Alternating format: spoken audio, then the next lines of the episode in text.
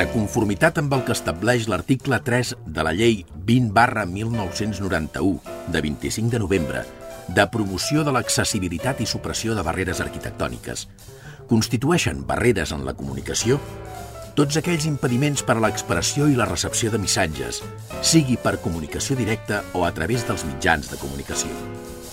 És per això que, emparant-nos en aquesta llei, volem que cada ciutadà gaudeixi del seu propi espai per moure's. Un espai sense censura. Un espai en què vosaltres sigueu els protagonistes. En definitiva, un espai per tothom. Benvinguts a Espai Vital.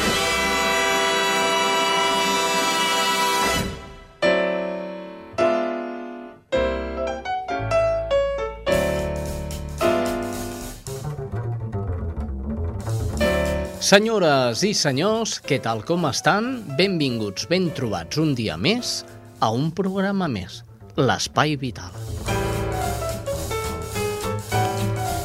Avui tenim un convidat d'excepció de, al nostre costat. Ell es diu Ferran Sebastià. Què tal? Bon dia. Hola, bon dia. Tenim també el Cojo Cabreal, que ja sabeu aquest nou espai en què... Bé, ell, ell ens explica què és el que li emprenya de la societat d'avui en dia en quant a sanitat. El Jordi Puy, el control tècnic i un servidor. Intentarem estar amb vosaltres 60 minuts, que comencen en aquests moments.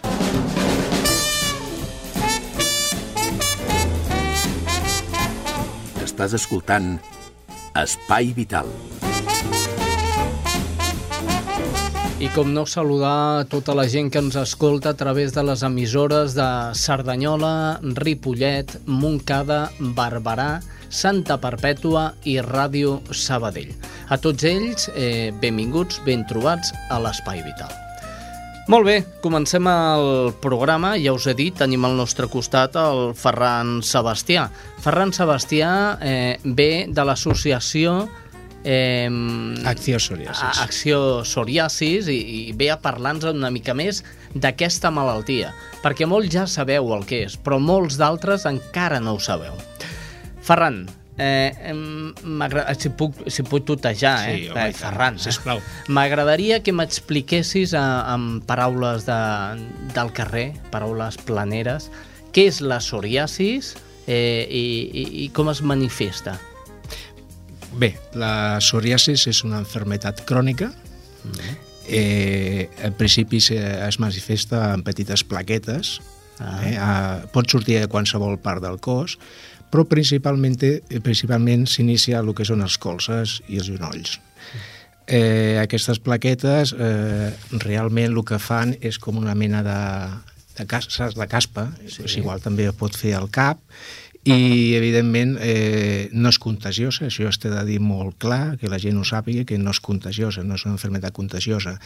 I evidentment ho diagnostica un metge dermatòleg eh, perquè n'hi ha molts tipus de psoriasis o n'hi ha algun tipus d'enfermedad que pot semblar psoriasis i no psoriasis i té de ser un metge el que ho diagnostiqui això. Uh, és a dir, que es creen unes capes de pell morta diguem, uh, al cos que són aquestes clapes va per brots aquesta malaltia? Sí, bueno, aquestes clapes diguéssim que una persona normal cada X dies, 20-30 dies, i canvia la pell, no? Quan es dutxa amb l'esponja i tal, anem canviant la pell a poc a poc, no? El psoriàsic el que fa és que aquesta, aquesta pell, amb aquells punts, eh, la generació d'aquesta pell nova és cada dos o tres dies eh, en comptes de cada 30, per exemple. No?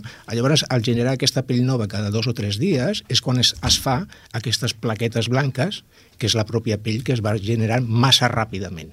Ah, és una malaltia, no, no, no es contagia, no? No, no, en absolut, això està deixat molt clar. Eh? No la persona que veieu a l'autobús que s'agafa eh, a dalt, no. a la barra de dalt de l'autobús i, i, i el tens al costadet tranquil, que això no Tranquil, que no passa res. A més, a mi m'ha passat, no? que -huh. veus que vas amb l'autobús o amb el metro, tens les mans, perquè jo tinc diagnosticat un 40% del cos, uh -huh. i tinc un brot en mans i tal, i veus que ràpidament treuen la mà i dius, ostres, no, no passa res, no te la vaig a encomanar, eh? no, no uh -huh. tranquil. Eh? Això és el que estem lluitant a través de l'associació molt, que és donar a conèixer aquesta enfermetat i sobretot que no s'encomana. que no s'encomana, que no són persones rares. Bueno, algunes són rares i no tenen psoriasis, vull dir que sí? no, no té res a veure. Molt bé. Eh, pertanys a l'associació? Sí, des de fa ja 10 anys. Eh, és L'associació es va crear en l'any 93. Mm -hmm. És una associació d'ajuda mútua que estava integrada, o està integrat per afectats i familiars de psoriasis. En l'any 2007 es va aconseguir que fos declarada d'utilitat pública. Això és molt important. És d'àmbit estatal, eh? té la seu central a Barcelona. Aproximadament som uns 2.100 socis, els que n'hi ha actualment, i l'associació pues, es financia per les quotes dels socis i aportacions d'entitats i, i empreses privades. En, en quin moment eh, eh, s'ha d'anar a l'associació? Home, a, això, aviam, jo, jo personalment, mm, diguéssim que sóc un soci bastant actiu, eh, com defineixo jo, jo no pertany a la Junta, però sí que sóc un soci bastant actiu. Eh, jo, en el moment que em vaig assabentar de que existia aquesta associació, ja em vaig apuntar. Vaig apuntar perquè vaig pensar que era important eh, pertany a una associació eh, d'afectats, no? sense més. O sigui, em vaig apuntar i bueno, almenys si no puc fer res, almenys col·laboro amb l'associació, amb la meva aportació, amb la meva quota, eh, fins que va arribar el moment que vaig poder col·laborar alguna més amb ells. No? Per mi era molt important. Mm. Eh, jo crec que és important que la gent s'associï. Conforme tenim més gent, evidentment, podem fer més força davant de les autoritats, bueno, a banda de l'època que estem passant ara, no? Mm. Teniu algun tipus de quota? Pagueu quota? Sí, cada any es paga una quota, de, hi ha una quota d'uns 48 euros, que no és gaire, mm -hmm. eh, a l'any, però és que a més a més aquesta quota es pot desgravar un 25% perquè al ser declarada d'utilitat pública a la declaració de renta pots desgravar-te el 25%. No? Doncs estaria bé que ens donguessis un número de telèfon on les persones que ens escolten en aquest moment eh, tinguin la possibilitat de posar-se en contacte amb Acción Psoriasis. Sí, mira, el telèfon és el 93 sí. 280 46 22. 280 46 22 amb el 93 davant. Acción Psoriasis. Eh, un minut i estem de seguida. He tenido muy poca autoestima, muchas inseguridades y sigo sintiéndome poquita cosa al lado de los demás. Soc Mercè, afectada de psoriasi i membre d'Acció Psoriasi. Si vols conèixer el veritable impacte de la psoriasi, una malaltia que va més enllà de la pell, et convido que visitis enprimerplano.org.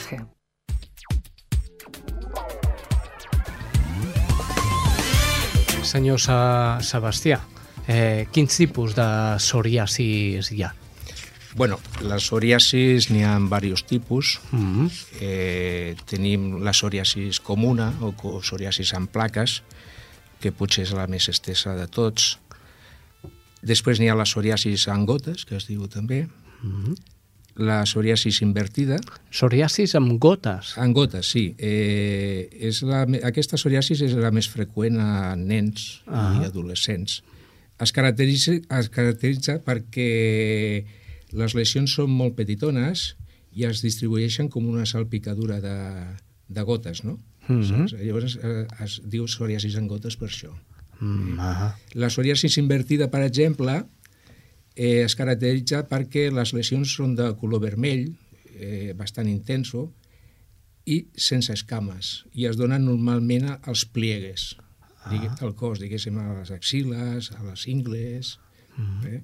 Després la psoriasis pustulosa també existeix sí. i aquesta se, se caracteritza per l'aparició de pequeñes pústules, eh, granets en pus, sí. eh, sobre les plaques. Eh, no és molt freqüent aquesta forma de psoriasis, encara que sigui una, una psoriasis una, bastant, de la psoriasis la, la, bastant greu, aquesta. L'agressiva. La, sí, la, la pustulosa.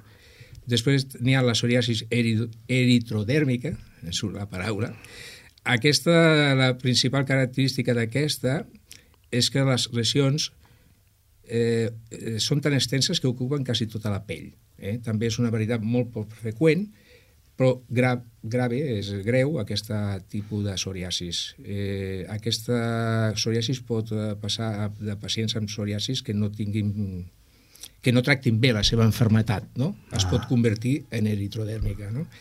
I després, eh, bueno, a banda d'això, els que tenim psoriasis, amb el temps, potser desenvolupem, com ha sigut el meu cas, que m'ho han, perdó, han diagnosticat fa uns dies, l'artritis psoriàsica. Això, això és més fotut. Això és la, ja la inflamació dels dits i, i això pues, és una cosa ja més fotut perquè ja no se'n va. Això, ja. una vegada entre l'os, és més complicat que se'n vagi, no? O sigui, en total, pues, tenim quatre o cinc tipus diferents de, de psoriasis. Va només per fora, la psoriasis? Sí, en principi és una enfermetat de la pell. Val, val, val, però pot ser per fora o per dintre. És el que em refereixo. La psoriasis pot anar per dintre o no va per dintre? Mai. Que jo sàpiga, no? Això ho hauríem de preguntar a un metge. Això tindria no? de ser un dermatòleg, sí, no? que consultar-lo al dermatòleg. Jo, en principi, és una enfermetat de la pell, el que sí que està clar és que mm, aquesta enfermetat, contra més greu sigui, eh, segurament pot afectar a un altre tipus d'òrgan. Mm. O els propis medicaments també amb efectes secundaris, no? Molt bé, tractaments d'aquesta malaltia. Parlem de tractaments. Primer els naturals, que és, diguem, el sol, no? Uh, el sol va molt bé. Ah. A l'estiu també, a la platja també. Eh, es podria dir que n'hi ha un tant per cent molt baixet de persones, eh, que jo conec algunes, que no els hi va bé el sol, prendre el sol. Eh? Mm -hmm. Però és un tant per cent molt petitó. Normalment, a totes les persones que patim la, la psoriasis, a l'estiu es va prou bé i el sol i la platja. Es calma bastant la psoriasis i desapareix bastant la psoriasis. Ah, eh, sempre, evidentment, has de prendre el sol, com diuen els metges, no? amb prudència i amb mm. cuidado, eh? perquè tinguis psoriasis no vol dir que tinguis d'estar 14 hores a prendre el sol, no? S'agera una mica, no? Molt bé, i els altres tractaments, pues, suposo que corticoides, m'heu comentat? Sí, bueno, hi ha diversos tipus de tractaments. Eh, estan els tractaments sistèmics mm. eh, i, i llavors aquests tractaments sistèmics eh, són els que s'administren per si diguéssim, la, per, per la boca. Ah. eh? Serien les pastilles, càpsules, uh mhm. -huh. eh? xarops, o també eh, injeccions als, intramusculars. Eh? Eh, aquest tipus de tractaments eh, normalment és de, són formes moderades i grau, greus de, de, de psoriasis i actualment han sortit també uns medicaments eh, nous, llavors eh, es poden, aquests biològics que han sortit ara, no? Solen ser bastant efectius, però també eh, poden produir efectes secundaris. Eh, jo crec que personalment que aquests biològics pues, encara són molt nous, mm -hmm. no estan molt estudiats, i realment els efectes secundaris de, de prendre un biològic a, a dos, tres, quatre anys pues, no ho sabem, no? No mm -hmm. ho sabem perquè N'hi ha gent que li pot anar bé, n'hi ha gent que li pot anar malament. Cadascú és que som un, un, un, un món diferent, no? Un tractament... Jo prenc, per exemple, el metrotexata, aquest medicament doncs, conec molta gent que no els hi va bé. En canvi, jo porto ja com 4 o 5 anys amb el metrotexate. Mm -hmm. eh, I, tu, I tu ja estàs bé? Bueno, jo estic... Eh, lo, diguéssim que podríem dir que ho tinc controladet. Eh? Bueno. Eh, net no estic, mai, jo ja, últimament no, he, no m'he posat mai net. Però bueno, està bastant controladet amb el Metro 3 Us convido a provar, eh, a veure una plana web, és enprimerplano.org, en el que es veu mm, tot això que expliquem i molt més. Però fins i tot la part psicològica també es veu afectada en molts malalts. És molt important. Molt important. Molt important perquè jo crec que a vegades, a vegades, la part psicològica és quasi més, més important i més greu que no pas la pròpia psoriasis. La pròpia malaltia, no? Sí, sí, sí, afecta moltíssim la part psicològica. Doncs molt bé, eh, Ferran, eh, t'agraïm moltíssim que hagis estat avui aquí a, al programa, a Espai Vital, i t'animem, t'animem molt perquè et veus un tio vital a tope. I, ja. i penso que i, i, primer la, la, la psoriasis i després l'artritis psoriasis segur que surt qualsevol altra cosa que amb la, la medicina ja saps tu que tot està molt avançat no, s'està investigant molt. Eh? De ah. fet, la psoriasis eh, a vegades dir, tothom voldria que anéssim més ràpid, ah. eh, però sabem que no és, no és possible això, i menys ara en èpoques de crisi les inversions, com, com està tot, no? Però dintre de tot aquest tema, la psoriasis, dintre de les enfermetats de la pell, és d'enfermetat, crec, que més s'estudia, mm -hmm. que més s'està estudiant, eh, la, la psoriasis. Doncs deixem-ho aquí. Ferran Sebastià, gràcies per haver estat aquí avui. Gràcies a vosaltres.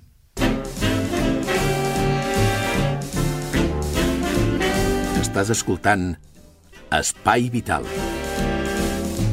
I des de Ripollet, Cerdanyola, Montcada, Barberà, Santa Perpètua i Ràdio Sabadell. Hombre, l'espai El Cojo Cabreado. I tant. Eh, hola, què tal? Com, què tal? Molt malament. Amb la veu de l'Alberto Castro, és El Cojo Cabreado. Eh, per cert, aquí fa una olor una Clar, mica que fa olor, com n'ha de fer olor? Escolta, mira, eh, m'he d'anar molt ràpid. Per què he d'anar teixant la cadira? Atenció, senyores i senyors, ja prou de catifes de gossos. Jo vaig a cadira ros, tu saps, Xavi. Sí, sí, sí. Clar, això jo quan vaig per la vorera, cap a la dreta, cap a l'esquerra, esquivant catifes de gos. Sisplau, ja està bé! Per molt petit que sigui el gos i que solta la tifa, ho hem d'agafar o és que no ens entenem. Perquè després vaig amb la cadira, trepitjo la catifa i mira, mira quina puc agafar. És que no qui hi aguanti. Escolta, Xavi, avui no em puc quedar més estona. Ho sento molt. Ho sento molt, però vaig amb cap com agafi un gos. És que de no hi ha dret. Escolta, tu, que he de marxar, Xavi. A, a, una cosa, la setmana que ve parlarem de la banca. Que ja ha prou de... Aquest sí que m'ha esperit. De debò que em pica... Adéu-siau, vinga, va Bé, que marxi, que marxi bé. Ja ens veurem la setmana vinent. Adeu. És moment de fer la roda informativa per conèixer quines són les últimes novetats, les últimes qüestions en quant a, a salut pública i a salut en general. Comencem. I comencem, com sempre, amb Cerdanyola. Allà es troba el Xavier Poza. Hola Xavi, la Universitat Autònoma de Barcelona i el Consorci Sanitari de Terrassa crearan un institut de recerca biomèdica després de signar la setmana passada un conveni de col·laboració. El projecte és una aliança estratègica entre dues institucions. La universitat aporta la seva experiència en l'àmbit del coneixement, mentre que el Consorci Sanitari de Terrassa contribueix amb el seu potencial assistencial i d'infraestructures. El professor de la Facultat de Medicina de la Universitat Autònoma i director del projecte, Eduard Escric, assenyala la importància d'aquesta iniciativa. La creació de l'institut és fruit d'una col·laboració entre l'Autònoma i el Consorci Sanitari de Terrassa que es va iniciar l'any 2010 amb un escrit que posava de manifest la voluntat col·laboradora en l'àmbit de la recerca. Aquesta voluntat inicial s'ha transformat ara en un conveni que culminarà amb la constitució de l'Institut. En una fase prèvia a la constitució de l'Institut es preveu la creació d'una unitat d'investigació biomèdica a la Universitat Autònoma que aplegarà els grups de recerca i els investigadors de, tant del Consorci com de la Universitat vinculats al projecte. El més important és, segons escric, generar la massa crítica i la productivitat científica necessària. El treball investigador d'aquest futur institut s'orientarà a àmbits clau com la salut pública i les formes de vida saludables, la gent gran i les malalties cròniques, la medicina de l'esport i la medicina penitenciària, però també àrees com la salut mental i el deteriorament cognitiu, l'atenció oncològica integral o la biologia molecular. Davant d'aquestes aplicacions, el doctor Eduard Escric considera que la signatura del conveni beneficia l'Autònoma i el Consorci. Això és tot des de Cerdanyola Ràdio. Fins la setmana vinent. Gràcies, Xavier Poza, de Cerdanyola Ràdio. Anem cap a Ripollet. Allà es troba la Reme Herrera. Salutacions des de Ripollet Ràdio. Aquesta setmana us volem parlar de dues iniciatives que el Departament de Serveis Socials de l'Ajuntament de Ripollet està duent a terme actualment i que pretenen tenir continuïtat més enllà d'aquest any. Es tracta d'una banda de la celebració aquest 2012 de l'any europeu de l'envelliment actiu, on la regidoria de Serveis Socials s'ha adherit amb un ampli programa d'activitats, entre elles un concurs de fotografia, un programa de voluntariat, intercanvis intergeneracionals i una trobada d'universitats sobre gent gran. En segon lloc, la regidoria de Serveis Socials també ha posat en marxa un projecte d'intervenció a través de dinàmiques grupals portades a terme pels educadors i treballadors socials. De moment s'està treballant amb quatre grups d'unes 15 persones cadascun, formats d'una banda per aturats de llarga durada i per altra per famílies amb infants menors de 18 mesos que reben l'ajuda del xecs Caixa Pro Infància de l'obra social de Caixa i Càritas. Properament està previst posar en marxa dos nous grups, un de pares i un altre d'adolescents. I això és tot per avui, fins la setmana vinent. Gràcies, Rem Herrera. Anem corrents, corrents cap a Barberà. Allà es troba, com sempre, la Judit González. Salutacions de Ràdio Barberà. L'Ajuntament de Barberà del Vallès ha adjudicat el nou contracte del servei d'atenció domiciliària a l'empresa Suara Serveis per un import total de 636.733,46 euros. El servei d'atenció domiciliària està format per tot un conjunt organitzat de recursos i accions adreçades a les persones que per raó d'edat, dependència o discapacitat tenen limitada l'autonomia per realitzar les activitats bàsiques de la vida diària o requereixen atenció permanent i a distància. Entre aquests recursos es troba el servei d'atenció domiciliària que dona servei d'atenció personal actualment a un total de 130 persones amb dependència i 74 en atenció social. Amb la nova contractació també s'oferirà a la població el servei d'auxiliar de la llar, que per manca d'autonomia i de suport personal i familiar no poden mantenir un nivell de netedat bàsic de l'habitatge. En total es donarà a 74 persones amb dependència i a 78 d'atenció social. Un altre dels serveis que es podran continuar oferint amb l'adjudicació d'aquest contracte serà el servei de teleassistència, un petit aparell que permet que els usuaris puguin comunicar-se a les 24 hores al dia durant els 365 dies de l'any amb un centre d'atenció, oferint-li així ser immediatament atesos si pateixen algun accident o malaltia. Aquest es prestarà un total de 420 persones al municipi que ho necessiten. La regidoria de Benestar Social tanmateix ofereix suport a nivell tècnic a aquelles persones que necessiten d'eines específiques, com per exemple cadira de rodes, grues, adaptacions pel bany, entre d'altres. En concret s'oferiran a 10 barbarenques i barbarencs. Fins la setmana vinent. Gràcies, Judit González. Des de Ràdio Barberà anem cap a Montcada Ràdio. Allà es troba la Laura Grau. Hola, salutacions des de Montcada a l'Espai Vital. La Regidoria de Salut Pública i Consum, en col·laboració amb el CatSalut, ha posat en marxa una campanya amb recomanacions per evitar les al·lèrgies més comunes entre la població, com són el polen, els àcars, l'epiteli dels animals i també els fongs. Al web de l'Ajuntament, moncada.cat, ha incorporat un espai especial amb tota la informació sobre aquestes afeccions a les vies respiratòries. Entre els consells, es recomana a les persones que presentin al·lèrgia al polen tancar les finestres finestres del domicili durant la nit, no estendre la roba a l'exterior i evitar utilitzar la bicicleta o la moto. Per als al·lèrgics a la pols s'aconsella evitar objectes i superfícies que acumulin pols, com ara les catifes, moquetes, llibres o cortines, entre d'altres. Fer la neteja amb un drap humit i ventilar el dormitori cada dia i després tancar les portes i les finestres durant el dia. En el cas dels al·lèrgics a l'epiteli dels animals, cal rentar l'animal cada setmana i aplicar-los productes després del bany, així com evitar l'entrada al dormitori de la persona al·lèrgica. I per últim, per evitar l'al·lèrgia als fongs, s'ha d'evitar una humitat a casa superior superior als 40%, ventilar la llar cada dia i no tenir plantes a l'interior, entre d'altres mesures de prevenció. Això és tot. Fins la setmana vinent. Gràcies, Laura González, i anem cap a l'altra punta, cap a Santa Perpètua. Allà, i com a casa especial, ja que l'estrella Núñez està de baixa, doncs ara ens porta la crònica el Rodrigo González. Som-hi. Hola, salutacions des de Santa Perpètua. L'Ajuntament col·labora amb l'associació Andi de Sabadell que treballa amb nois i noies amb síndrome de Down. Un jove perpetuant realitza pràctiques laborals a l'Ajuntament en el mar d'aquesta cooperació, que consisteix en la realització de pràctiques laborals del programa de qualificació professional inicial d'auxiliar de vendes, oficina i atenció al públic que la entitat de Sabadell du a terme. Actualment, un veí de la nostra localitat que realitza aquest programa programa de formació Andi està fent les pràctiques laborals necessàries un dia a la setmana a l'Ajuntament de Santa Perpètua. Aquesta acció correspon al compromís de la regidoria de serveis socials per tal d'afavorir i desenvolupar les polítiques d'atenció i suport a les persones amb discapacitat. El regidor de serveis socials de l'Ajuntament de Santa Perpètua, Francesc Rodríguez, ha explicat que la col·laboració amb Andi va sorgir arran de la participació de l'entitat en la celebració del Dia de les Discapacitats. Rodríguez ha destacat destacat també el paper que fan entitats com Andi en la societat. I això és tot des de Santa Perpètua fins la setmana vinent. Gràcies, gràcies Rodrigo, Rodrigo González. Gràcies por, por esta crónica. Eh, I anem ràpidament ja per últim a Ràdio Sabadell. Allà es troba, com sempre, la Karen Madrid.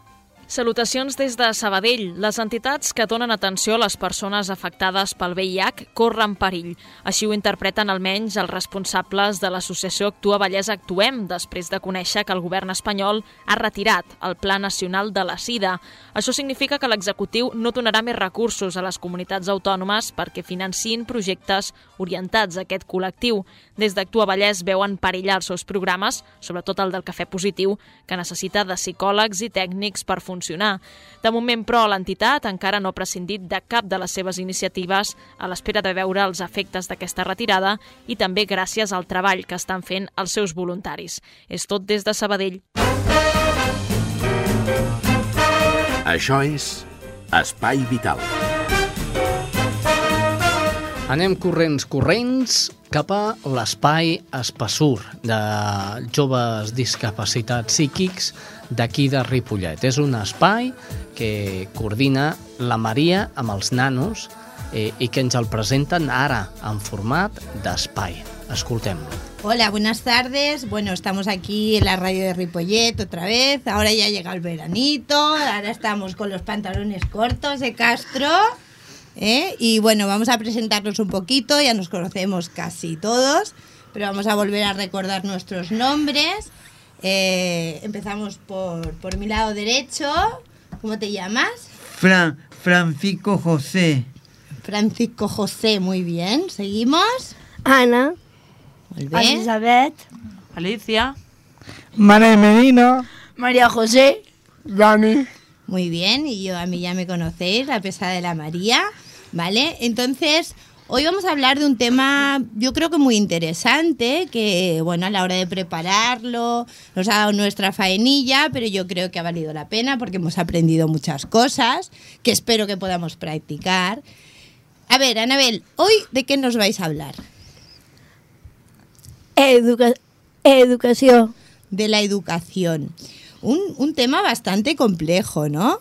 ¿Vosotros qué creéis que hay que tener, qué principios creéis que hay que tener para ser una persona educada, para tener una buena educación? Seré...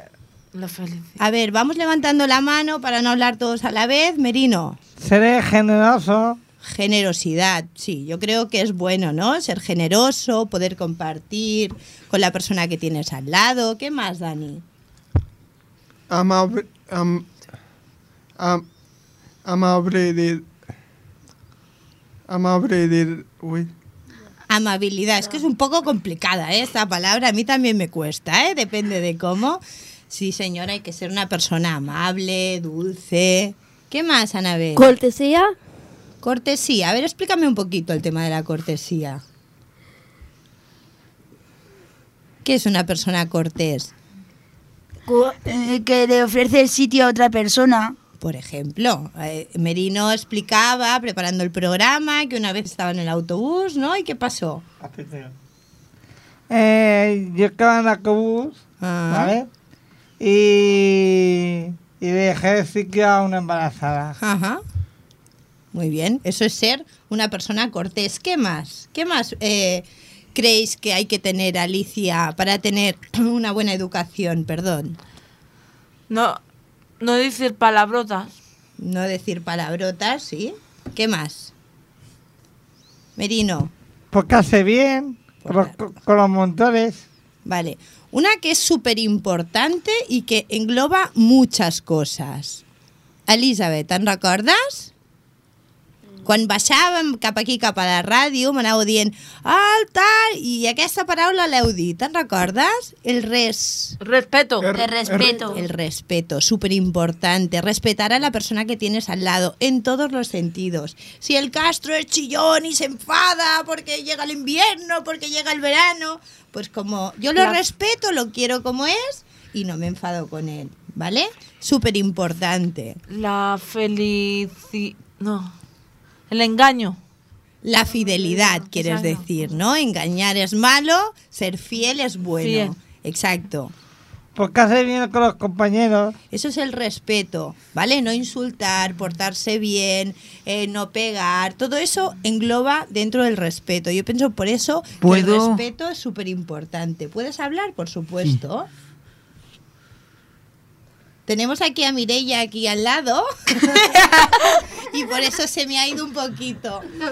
A ver, ¿qué me querías decir, Castro? ¿Qué? ¿Qué me querías decir? Si puedo. Claro que puedes hablar, por supuesto. ¿Qué nos quieres decir? ¿Qué más? ¿Qué principios crees más que hay que tener?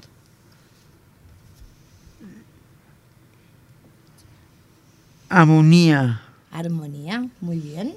Una cosa que no había salido preparando el programa, pero que estoy totalmente de acuerdo contigo. Sí. Hay que tener una armonía en la, en la Sí. vida, ¿no? Una calma.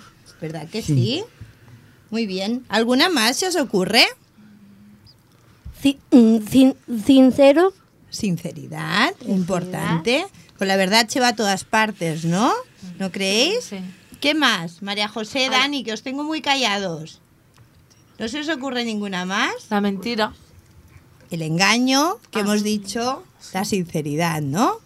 Bueno, eh, cuando estábamos preparando este, este tema, salió una pregunta que yo creo que, que es importante que la respondamos, que es si que creéis que ahora hay menos educación que antes. Cuando su- nos surgió esta pregunta, ¿dónde propusimos ir? ¿Os acordáis? A una residencia de Una abuelos. ¿Por qué? de ancianos.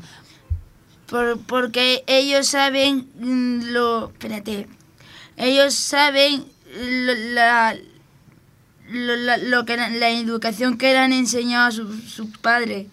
Claro, ellos al ser mayores saben la educación de antes, ¿no? Y nosotros sabemos bien- mejor la, La de educación de ahora, ¿no? Sí. Vale, yo quiero que me expliquéis un poquito cómo fue la experiencia o la visita a la residencia, Merino. A mí me parecía bien porque explicaba co- cosas de, de, de su Infancia. infancia, Ajá. de los hijos. ¿Qué más, Alicia? Y los nietos y todo. Y, y una mujer mayor dijo que la educación era más, más, más bonita antes que eh, ahora. Mejor antes que ahora. Hubieron varias opiniones, ¿verdad? Nosotros los hemos invitado a venir, pero bueno, por problemas supongo que dificultad al, al venir, de transporte y tal, no han podido. Pero yo creo que estuvieron encantados con recibirnos. Doy las gracias desde aquí porque se portaron súper bien con nosotros. Y yo quiero que transmitamos un poquito las respuestas que ellos nos dieron porque hubo un poquito de todo. Dani, dime. Has levantado la mano, ¿no? ¿O me ha parecido a mí? No. Bueno, eh, Elisabet, quines opinions van donar? Mm, Una mica de tot. Eh, que abans l'educació era diferent que ara perquè perquè abans els, els pares, o sigui, els avis que són ara, abans estaven a, treballaven a casa i estaven amb els fills, els, els cuidaven i això. Sigui que abans la mare normalment estava a casa amb els fills, no? I el Sí. pare normalment estava treballant, no? I potser sí. eh, el que explicaven és que es podia es- estar més amb els fills, Sí. no? I amb l'educació dels fills, que no pas ara, que poder la mare i el pare treballen, estan més temps fora de casa, i això podia repercutir. Això per una banda, però també deien que no els hi semblava bé l'educació d'abans. Per què? Perquè hi havia perquè què? no tenien confiança amb els pares i no és com ara, saps? Perquè no hi havia confiança amb els pares. Més que confiança que li tenien en els pares d'abans. Respecte. Miedo. Por. M- Més que respecte, que també en tenien, era més miedo, no? Això, Ens por. transmitien que era una mica de por perquè no els hi podien explicar. Depèn Merino. de què. Dime. Tenía miedo a los, a los, a los padres. Porque no le podían explicar depende de qué, ¿no? A- ahora, eh, pues con una madre, pues puedes explicarle más cosas, ¿no? Es más como una amiga que quizás eh, no es tan tajante, no hay tantas normas, ¿no? ¿Qué más nos decían? También nos comentaron algo de la mujer y el hombre, ¿no? El papel que tenían antes y el papel que tenían an- ahora, ¿no? María José, ¿te acuerdas? Sí.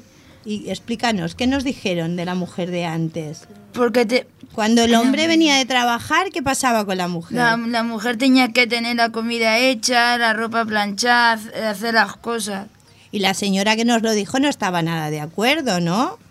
Decía que prefería la mujer de, a- perdón, la mujer de ahora, que realmente pues todo se compartía en pareja, que tanto el hombre como la mujer colaboraban en las tareas domésticas. Castro, ¿estás de acuerdo? Sí. ¿Sí? ¿Tú qué preferías? ¿La mujer de antes o la mujer de ahora? Pues yo sé que eres un poquito tradicional. ¿Qué preferías?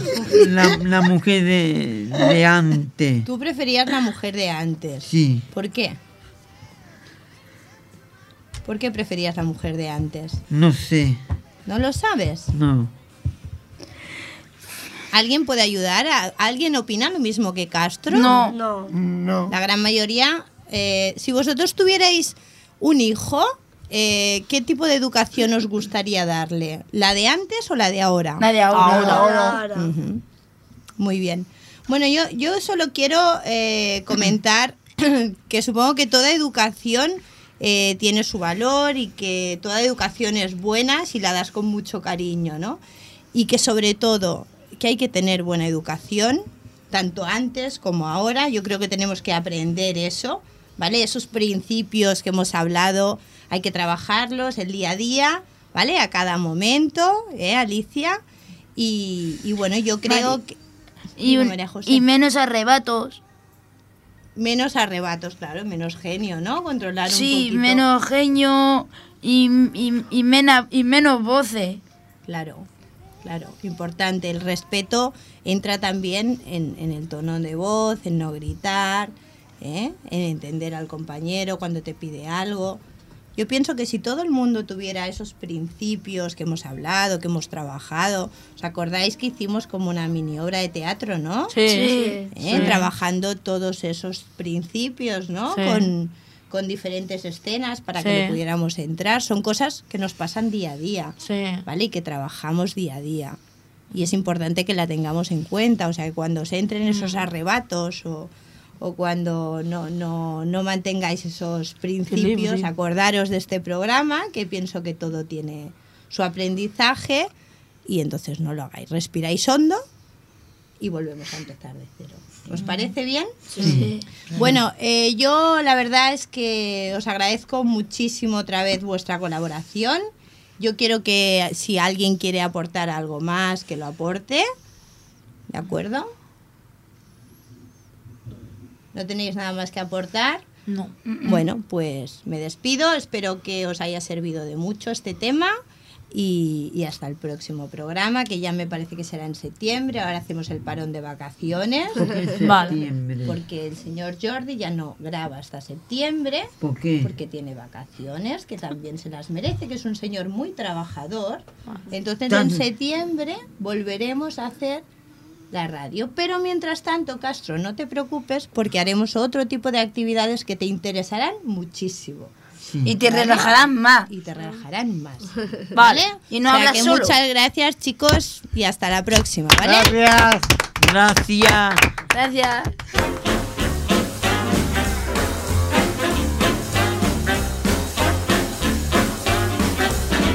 Espai Vital, el primer programa adaptat de les zones.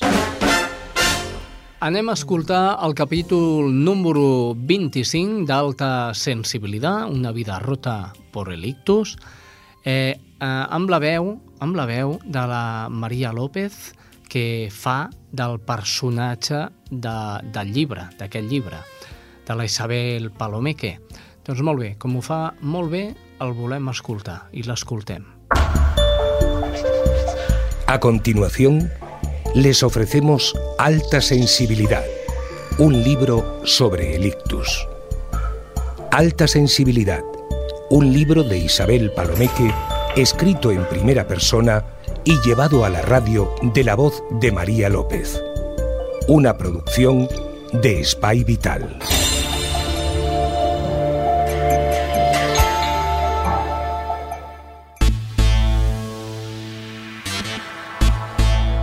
Medio desnuda sobre el escenario, con el torso cruzado por cuerdas entre las que escapan mis pechos, empiezo a bailar integrada en una red de brazos y piernas que son las de mis compañeros. Así, me presento dentro de mi primera actuación pública de danza. No me da vergüenza, soy así, o mejor dicho, he quedado así. Ahora mi cuerpo es como el del resto de la compañía y los siete bailamos para cifrar un mensaje sobre la belleza y la fealdad, sobre la imperfección humana y la discapacidad. Me he convertido en bailarina gracias a Vitriol, gracias a Jordi Cortés. Vitriol, visita interiora terrae rectificando invenies occultum lapidade, explora los interiores de la tierra o de uno mismo. El espectáculo es una invención de Jordi, que usa la danza para crear nuevas fórmulas alquímicas. En esta ocasión, su particular combinación incluye actores y bailarines reales con dos discapacitados, Adolfo ciego y yo misma hemipléjica y con afasia.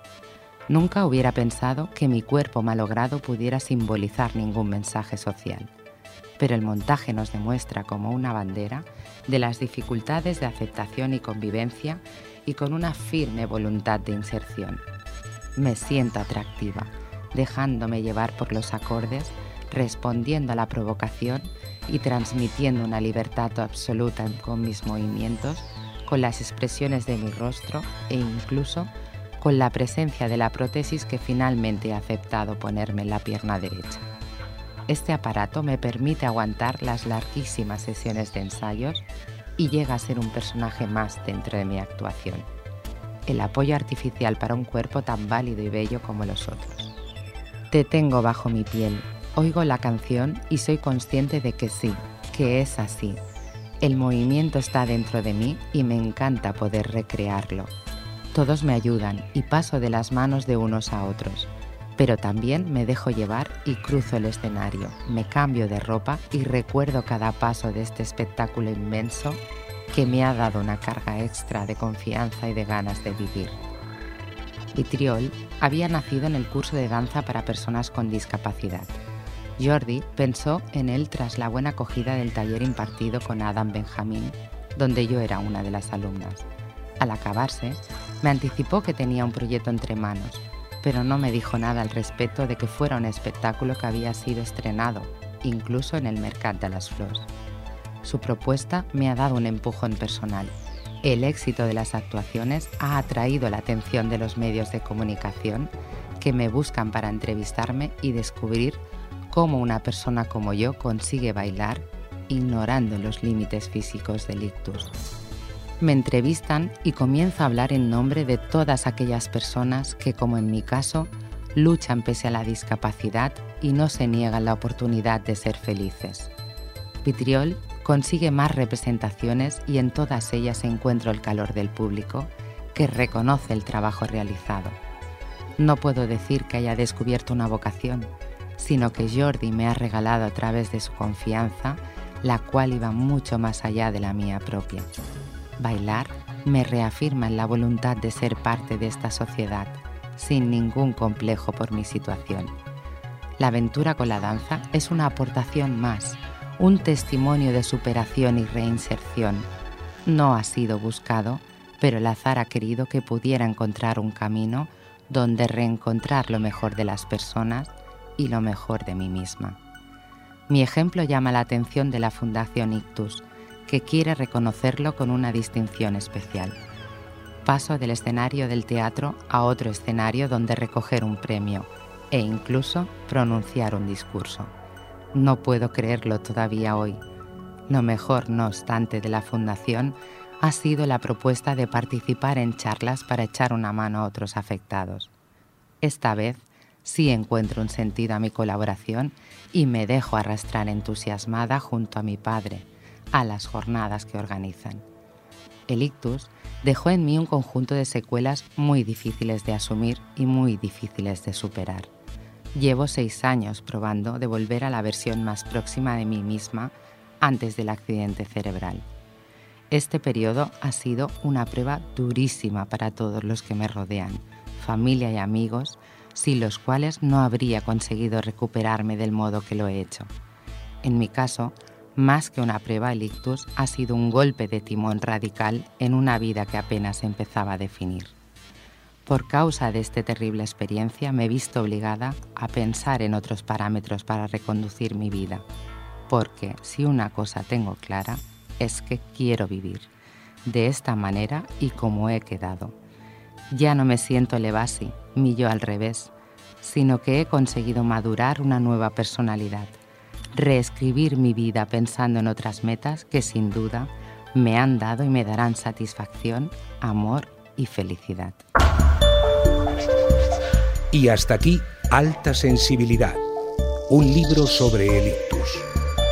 Alta Sensibilidad, un libro de Isabel Palomeque, escrito en primera persona y llevado a la radio de la voz de María López. Una producción de Spy Vital. Alta Sensibilidad, un libro de plataforma editorial. Bé, pràcticament un dels últims capítols d'Alta Sensibilitat. I ara és el moment de l'espai cuina, amb la nostra cuinera, cuinera adaptada, Conxita Naudi. Hola, amics. Avui us porto una recepta que és bacallà del convent. Recepta tradicional espanyola.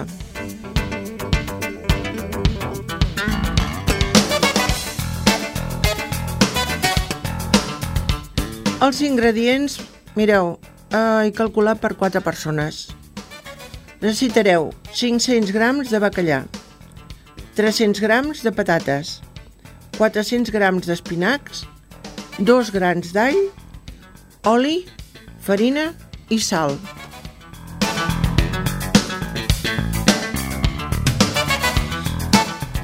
Anirem per la preparació. En primer lloc agafareu les espinacs, els rentareu bé, els escorreu bé i els reserveu. Aleshores agafareu els trossos de bacallà, s'enfarinen i els fregirem amb oli calent, sempre pel costat de la pell, que queda molt millor, i després per l'altre costat. I un cop fet, també ho reservem. Agafarem les patates i les fregirem tallades a rodanxes i pelades. I un cop fregides, les posarem al fons d'una cassola. I s'hi posaran els talls de bacallà per sobre. Després saltejarem les espinacs en una paella, les posarem també a la cassola i ho cobrirem amb el bacallà. S'hi posen els alls trinxats per sobre i taparem la cassola i es deixa coure a foc baix fins que estigui a punt. Si necessiteu posar-hi una miqueta d'aigua, li poseu. Mireu, aquesta recepta, eh, preparar el bacallà amb espinacs no és massa habitual. Aquesta recepta procedeix d'un dels molts convents de la península, en els que aquest peix, amb moltes proteïnes, és un plat que es fa sovint. Doncs fins la setmana vinent.